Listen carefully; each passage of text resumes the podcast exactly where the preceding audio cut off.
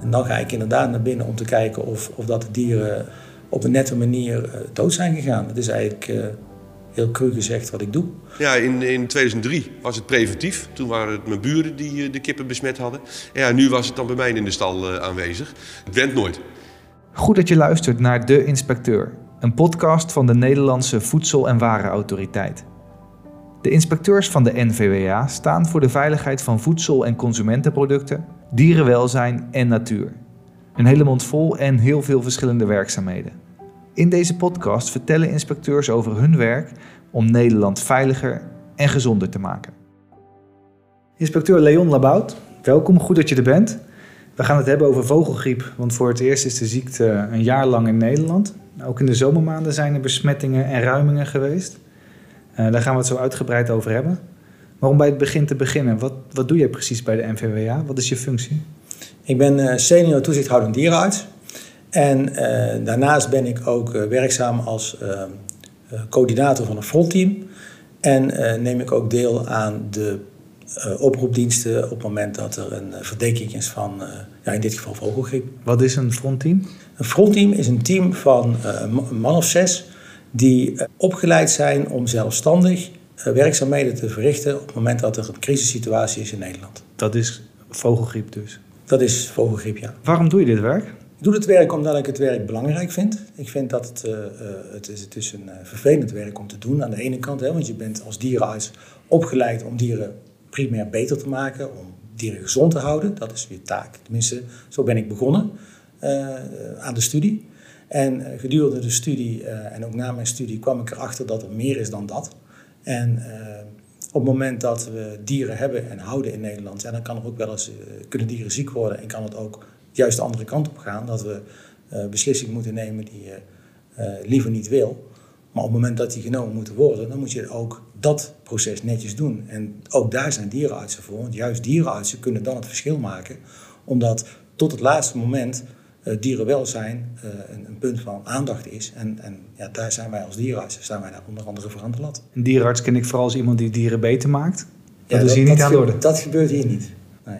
Wat is vogelgriep eigenlijk? Vogelgriep is een virus. En het is een virus dat, uh, nou ja, de naam zegt het al, bij vogels voorkomt. En het kan uh, bij allerlei soorten vogels voorkomen. Het is een, een, virus dat zich heel slecht laat vangen in een, in een definitie als je kijkt van hoe ziet het eruit. En dat maakt dat het lastig is om precies vast te stellen van hé, hey, deze vogel die, die is wel ziek, die heeft wel iets, maar heeft hij ook vogelgriep? Maar ultieme antwoord kunnen we pas krijgen uit het laboratorium. Uit laboratoriumonderzoek blijkt of een vogel inderdaad de vogelgriep wel, wel of niet heeft. Wat zijn symptomen als je een vogel... Die zijn heel divers. De symptomen zijn heel divers. De symptomen die, die, die, die zijn van um, plotseling dood neervallen... tot vogels die uh, bol gaan zitten, niet meer eten. Maar je ziet ook wel eens de, um, zoals we zeggen, neurologische vorm. Dan zien we dieren die uh, uh, met hun nek draaien, die, die wild spartelen. Um, ja, dat is een heel vervelend gezicht. Er is eigenlijk niet een eenduidige vorm waarin je kan zeggen... nou dit is zo duidelijk, deze vogel heeft nu vogelgriep. En als een vogel vogelgriep heeft, dan gaat het zeker weten dood? Als een vogel, als een gehouden vogel vogelgriep heeft, dan gaat hij dood. Dat is anders dan bij de wilde vogels. Bij wilde vogels, die kunnen juist dragers zijn. Wilde vogels die kunnen het vogelgriepvirus bij zich hebben, zelfs zonder dat ze symptomen daarvan laten zien, zonder dat ze ziek zijn. En dat is nou mede een reden um, van de verspreiding. Die vogels hier, de wilde vogels, de, in het verleden dan de trekvogels, maar tegenwoordig ook vogels die in Nederland in het wild gewoon eh, de hele zomer hier aanwezig zijn, die kunnen het virus bij zich hebben zonder dat ze er ziek van zijn en zonder dat ze symptomen hebben. Maar die hebben het virus en dat virus scheiden ze ook uit. Die poepen het zeg maar uit, heel simpel gezegd. En dat kan ervoor zorgen dat uh, onze gehouden vogels die in de stal zitten, die opgehokt zitten, die afgeschermd zitten, besmet raken. Maar we weten nog steeds niet precies hoe nou zo'n besmetting tot stand komt. Als we dat wisten, ja, dan hadden we de sleutel, dan hadden we goud in handen. Er wordt wel onderzoek gedaan. Er wordt onderzoek gedaan door verschillende instanties. Um, maar uh, het ultieme antwoord hebben we nog niet.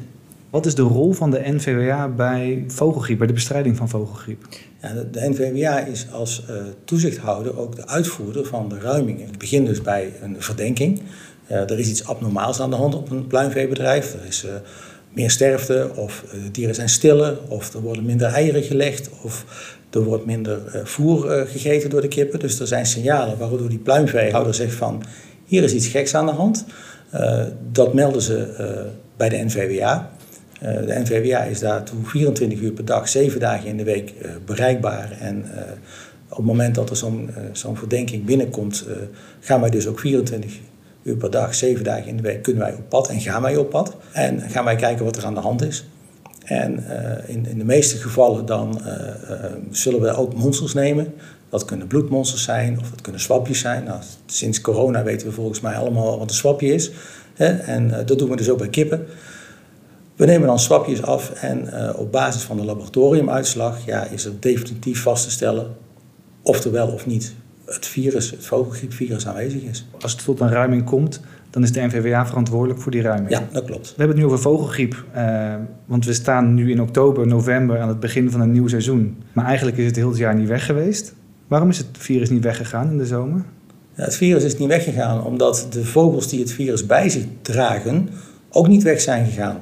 Eigenlijk was het tot vorig jaar zo dat we een, een, een periodiek vogelgriep in Nederland hadden. Hè. Op het moment dat de, de wilde vogels uit uh, Siberië, zeg maar, het, het oosten, uh, overkwamen over Nederland. En, en die waren uh, behept met het virus. En die kwamen hier in die korte periode van de vogeltrek en, en konden dan onze eigen vogels die hier waren en onze eigen gehouden pluimvee besmetten. Maar kennelijk ja, is dat virus toch veranderd in de, in de loop van de tijd. En, en is het zo dat ook vogels die in Nederland buiten uh, uh, zitten, uh, het bij zich kunnen dragen. En, en daardoor helaas ook onze gehouden vogels hebben besmet. Hoe zorgelijk is dat? Ja, dat is toch wel zorgelijk, omdat um, je wil er alles aan doen om te zorgen dat ze gezond blijven. Maar um, ja, dat lukt dus niet altijd. En dat hebben we niet helemaal in de hand, of helemaal niet in de hand zelfs. Hoe is dat voor jou als inspecteur? Want dat betekent ook dat je in plaats van een seizoen van oktober, november tot, tot voorjaar ermee bezig bent, nu een jaar rond ermee bezig bent. Nou ja, dat betekent inderdaad dat we een jaar rond ermee bezig zijn. En dat betekent ook dat we eigenlijk een jaar lang al um, in ons achterhoofd, bij heel veel zaken die wij normaal gesproken doen, regulier, in ons achterhoofd houden van ik kan ieder moment een telefoontje krijgen en, en dan uh, moet ik op pad. Dus uh, ja, dat geeft meer druk. Als we kijken naar de gevolgen, er zijn een hoop ruimingen geweest. Meer dan 80 bedrijven zijn er geruimd. Ruim uh, eh, 4 miljoen kippen die besmet zijn, zijn gedood. En bijna 1 miljoen preventief geruimde dieren. Dat zijn hele grote aantallen. Dat is heel veel. Van de andere kant, als je het vergelijkt met 2003, hè, toen we eigenlijk voor het eerst een grote uitbraak in Nederland hadden die we um, niet goed konden handelen, want, want, want dat glipt eigenlijk door onze vingers. Als je dat vergelijkt met nu, dan, dan doen we het eigenlijk goed. Maar uh, het zijn nog steeds enorme aantallen dieren, ja, dat klopt. Want 2003 was het absolute rampjaar? Ja, 2003 was een, verschrikkelijk jaar en dus een derde van de pluimveestapel heeft dat toen, uh, uh, is dat, heeft dat toen niet gered. Toen ging het om 30 miljoen dieren. Dat, dat, is, ja, dat is onmetelijk veel. Hoe kwam het dat het toen zo uit de hand liep? In 2003 hebben we natuurlijk goed bedoeld met elkaar, met de kennis die we toen hadden, het virus bestreden. En we, hebben, we proberen van iedere keer dat wij uh, werkzaamheden doen, uh, te evalueren en te kijken van nou wat ging goed, maar vooral ook wat kan beter. En dan merk je gewoon dat, we het, dat er toch wel een verschillende aanpak zit tussen 2003 en, en, en het huidige aanpak. En dat zit met name in de snelheid. Bedrijven melden ook snel, uh, better, safe than sorry. En, en ze bellen eerder, er wordt eerder aan de bel getrokken. Uh, wij gaan er ook serieus mee om. Dus wij gaan ook snel daarheen zodat we snel eigenlijk die duidelijkheid hebben van wat hier aan de hand is op het pluimveebedrijf. Is dat vogelgriep of niet? Uh, maar als het vogelgriep is, dan is die snelheid is, is enorm van belang. Omdat het virus, als het eenmaal in de stal is, um, raken er kippen ziek. En iedere zieke kip is ook weer een fabriekje van virus. En ieder uh, fabriekje van virus zorgt weer voor nog meer virus in de stal. En zo gaat het dus als een olievlek gaat dat door de stal. Dus hoe sneller je bent, hoe minder virus je hebt. Hoe minder verspreiding en hoe minder risico om dat een virus weer naar een volgende bedrijf of stal gaat. Het werk moet goed gebeuren. Het moet snel gebeuren. Maar het moet zorgvuldig gebeuren. Kijk, en dat zijn natuurlijk dingen die soms met elkaar bijten. Maar het moet en zorgvuldig en snel. Dus het heeft niet, snelheid alleen is, is het niet. Hè? Het, is, het is snel werken op een manier um, dat er geen fouten gemaakt worden, dat je zorgvuldig blijft, dat je, dat je doet wat je moet doen. Want dan moet zo snel mogelijk natuurlijk de ruiming Ja. komen. Ja, ook dat, dat, dat klopt. Ja, daar heb je gelijk in. Zo snel mogelijk die ruiming. Maar ook hier weer zorgvuldigheid. Ook hier weer de balans tussen snelheid, zorgvuldig en goed je werk doen. Want eh, op het moment dat eh, we eh, doorpakken, hè, dat we die, die ruimingsfase ingaan, dan gaan we eerst een taxatie doen. We hebben daarvoor beëdigd taxateurs die ingeschakeld worden. Dat zijn mensen die verstand hebben van geld en van kippen. En die taxeren, hè, die kijken wat er aanwezig is en die doen een taxatie om een schadeloosstelling vast te stellen. En dat gebeurt eerst. En als dat gebeurd is, dan kunnen we verder. En dan gaan we verder met eh, het, het ruimingsproces. En dat is in de, de meeste gevallen een, eh, het, het doden van de dieren door middel van een CO2-vergassing. Een beetje een cruwe vraag misschien, maar die dieren die kunnen ziek zijn ehm, en die gaan dan waarschijnlijk dood aan die ziekte of aan het virus of aan de vergassing. Wat, wat is qua dierenwelzijn dan beter? door, door middel van CO2-vergassing ehm, krijg je een, een, een deken van CO2 wat in de stal gaat. En, en eh, ja, die dieren die zakken weg in, in, in bewustzijn door het CO2. En ehm, die hebben niet in de gaten dat ze doodgaan, zeg maar. Terwijl bij een, een, een dier die eh, vogelgriep heeft, ja, die wordt ziek, die, die, die, die voelt zich niet lekker, die gaat bol zitten. eh, eh, en afhankelijk van ehm, eh, hoe, hoe, hoe agressief het virus is, gaat het sneller of langzamer. Maar ja, het is van, van ziek tot letterlijk doodziek tot dood. Ja, dat is een proces, dat is een vervelend proces. Nu ben jij tijdens zo'n ruiming de coördinator. Ehm, wat, wat houdt dat dan precies in? Ja, ik ben inderdaad de coördinator tijdens zo'n ruiming. En dat betekent dat ik eigenlijk het aanspreekpunt ben voor de veehouder. Maar ook het aanspreekpunt voor eh, de mensen die op het bedrijf namens de NVWA de werkzaamheden doen. Wat ik al zei, ik, eh, ik werk in een frontteam. Dat zijn een man of vijf, zes collega's van de NVWA die daar aanwezig zijn. Maar we zijn daar niet alleen met die man of vijf, zes. We zijn daar soms met 50, 60, soms wel meer mensen aanwezig. Wat doen die daar? Wat hebben zij voor functie? Er zijn verschillende functies. Die kippen die moeten de stal uit. En dat is nogal arbeidsintensief werk. Dat is handwerk. Eh, dus eh, er zijn eh, heel veel mensen nodig om, om inderdaad die dode kippen op te rapen en in kruiwagens te doen. En met behulp van die kruiwagens de stal uit te rijden. Daarnaast zijn er verrijkerschauffeurs. Er zijn eh, mensen Die scheppen de ja, die verrijker, eh, een verrijker is zo'n grote bak die eh, waarschijnlijk wel bekend is van de journaals. Zo'n grote bak die dan uiteindelijk de dieren in een, in een container doet. Dus zo'n container heeft een chauffeur. Er zijn mensen die zorgen dat eh, de materialen bij ons gebracht worden. Er zijn mensen die, eh, nou ja, we, hebben alles wat we, wat we in, met, met al die mensen nodig hebben aan materiaal, nemen we zelf mee. Zo hebben we een eigen douchewagen, we hebben eigen wc, we hebben wastafels die we meenemen. We nemen eh, een hele hoop materiaal mee om onszelf te beschermen. Hè. We hebben beschermende kleding aan, maar die beschermende kleding hebben we bij ons. Dus we hebben ook vrachtwagentjes met mensen die die beschermende kleding komen brengen. Eh, nou ja, zo op die manier kom je echt wel aan, aan, aan tientallen mensen die op dat moment aan het werk zijn. Eh, als dan zo'n vergassing is geweest, ben jij ook degene die als eerste naar binnen gaat, de stal in gaat. Wat zie je dan? Wat voel je dan? Wat hoor je dan? Nou, je hoort niks. En ehm, het is doodstil. Is het geen troosteloos beeld? Nee.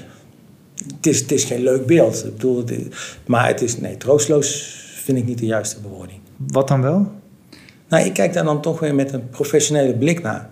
Ik kijk vooral over hoe is het proces gegaan. En ik ben ehm, dan eigenlijk bezig met mijn werk. En dan kijk ik, hoe is het gegaan? Het gasbedrijf is al met eh, perslucht naar binnen gegaan.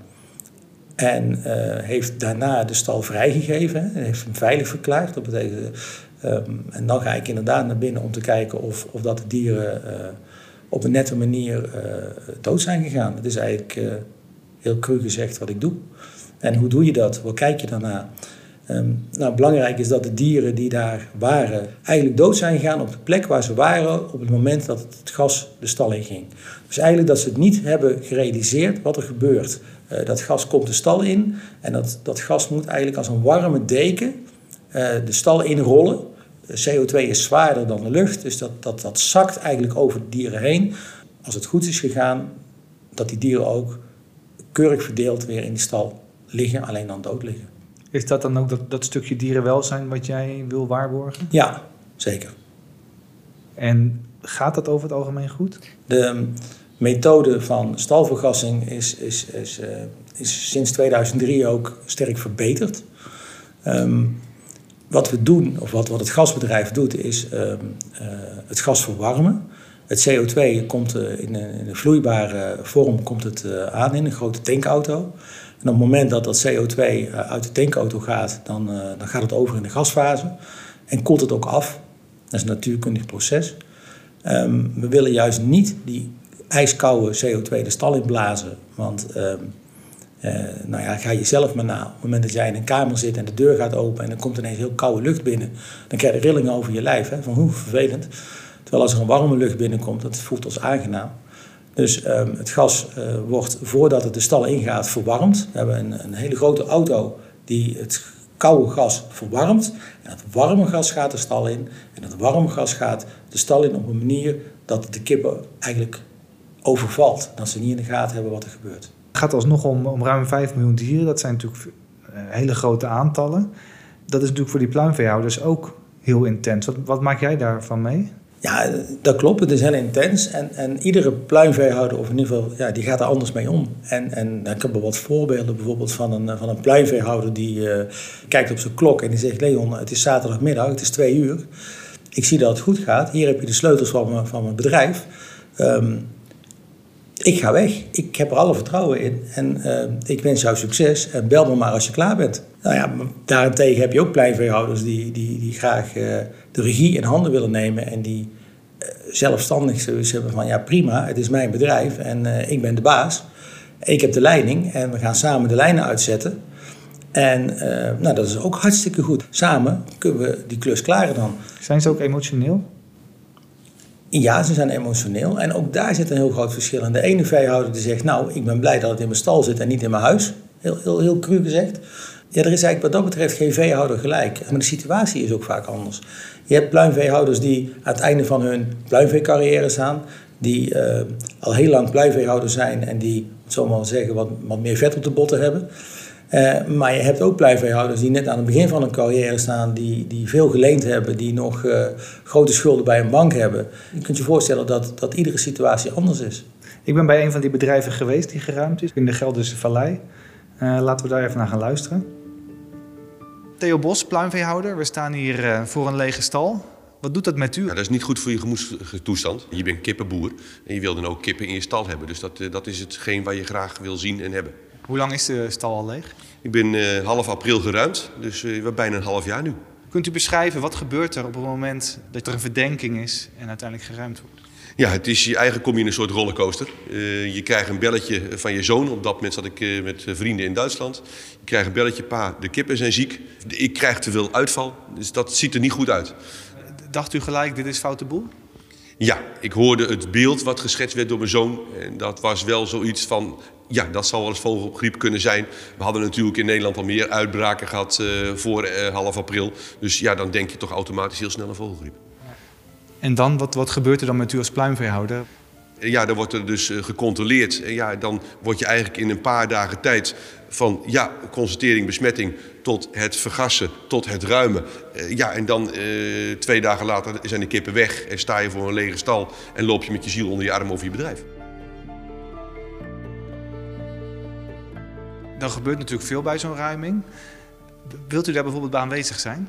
Nou ja, je bent aanwezig omdat het op je bedrijf is. Maar fysiek uh, tussen, lopen, tussen alle andere mensen lopen, daar had ik geen behoefte aan. Waarom niet? Nee, ik, ik had zoiets van, ik kan er niets meer aan doen. En uh, je wil levende kippen zien en geen dode dieren. En wat dat betreft vond ik dat geen prettig gevoel voor mezelf. En had ik zoiets van, laat maar gebeuren. Hoe minder ik zie, hoe minder impact het heeft. Uh, misschien een beetje de kop in het zand steken. Maar dat was, dat was, voor mij vond ik dat prettig, laat ik het maar zo zeggen. Wat gebeurt er daarna? Want dan komt natuurlijk het besef, het geregelde is achter de rug en de stal is leeg. Ja, nou ja dan gaan alle stallen gaan eigenlijk twee weken dicht. Dus eigenlijk heb je dan twee weken toch die ziel onder de arm en je loopt nog wat rond. En je hebt eigenlijk niks, maar het is ook wel, je moet weer tot jezelf komen, de rust. En uh, nou ja, het belangrijke daar is het besef hebben van we zijn gezond. Gezin, je vrouw, je kinderen, we zijn gezond, we hebben elkaar nog. En uh, dat, dat moet je even weer laten komen van denk eerst maar dan aan de zelf, aan je mens zijn. Uh, dat is dan de belangrijkste factor op dat moment. zes maanden staat de stal leeg. Wat is dan de schade? Ja, ik denk dat als ik dat zo inventariseer, maar ik kom nu eigenlijk zo'n slordige 300.000 euro tekort. Die moet je dan toch even, even halen ja, bij degene die dat uitleent. Wilde u gelijk wel weer door? Ja, ik heb natuurlijk een opvolger. Mijn zoon wil graag als vijfde generatie op dit bedrijf uh, verder. Dus ja, eigenlijk was er geen uh, vraag van wanneer. Nee, gewoon liever vandaag dan morgen. Het is de tweede keer al dat u bent geruimd. Ja, in, in 2003 was het preventief. Toen waren het mijn buren die uh, de kippen besmet hadden. En ja, nu was het dan bij mij in de stal aanwezig. Ja, in zoverre, ja, dat, dat, dat is dan gebeurd. Er staat wel 19 jaar tussen. Dat, is dat, dan, dat geeft nog iets een verzachtende omstandigheid. Maar het, het went nooit. Nu is het ook voor het eerst dat het virus een heel jaar lang in Nederland is. Ook in de zomermaanden zijn er besmettingen en ruimingen geweest. Hoe is dat voor pluimveehouders? Want ik kan me voorstellen dat je in een soort van constante spanning eh, leeft. Ja, van de zomer geen kippen gehad, dan is er op zich niet zoveel spanning. Op het moment dat er weer kippen in de stal zijn, heb je weer die spanning. Want het zal toch niet weer. Elke morgen als je de stal inloopt, een, een, ja, een stukje stress van, is er niks dood? Nu komen er weer kippen, dus dan komt dus ook die stress. Ja, komt toch die spanning weer terug. Ja, 100%. Is het dan nog wel leuk om pluimveehouder te zijn? Ja, eh, want je gaat ervan uit dat het je niet zomaar weer uh, overkomt. Dus uh, je gaat ervan uit dat er gewoon weer gezonde dieren zijn. Dat je gewoon weer je eieren kunt rapen. En dat je gewoon weer je boterham kunt gaan verdienen. Dus ja, je, je moet dan wel positief naar de toekomst kijken. Wat je merkt is dat er natuurlijk heel veel loskomt. Veel emoties, maar ook de gevolgen zijn groot. Uh, wat doet dat met jou als inspecteur? Ja, dat raakt je. Kijk, deze pluimveehouder, uh, daar ben ik zelf geweest. En daar ben ik zelf geweest van het begin tot het einde. En ik had toevallig dienst, uh, oproepdienst en ik was, uh, was de eerste dierenarts die daar was. We hebben samen met het specialistenteam hebben we monsters genomen. En, en ja, dan is het afwachten. Je kan het enige wat je dan kan doen is alles snel werken, zorgvuldig werken. En, en komen tot een, snelle diagnose. En die komt dan ook s s'nachts, want het laboratorium werkt dag en nacht door. En ja, dan uh, op het moment dat je die uitslag hebt, ja, dan, dan, dan weet je dat je terug moet naar het bedrijf en dan weet je dat er werk aan de winkel is. Het zijn uh, uh, drie grote stallen. En um, ja, dat is het, het, zijn de harde feiten. Het zijn drie grote stallen, alsof het, alsof het niks is.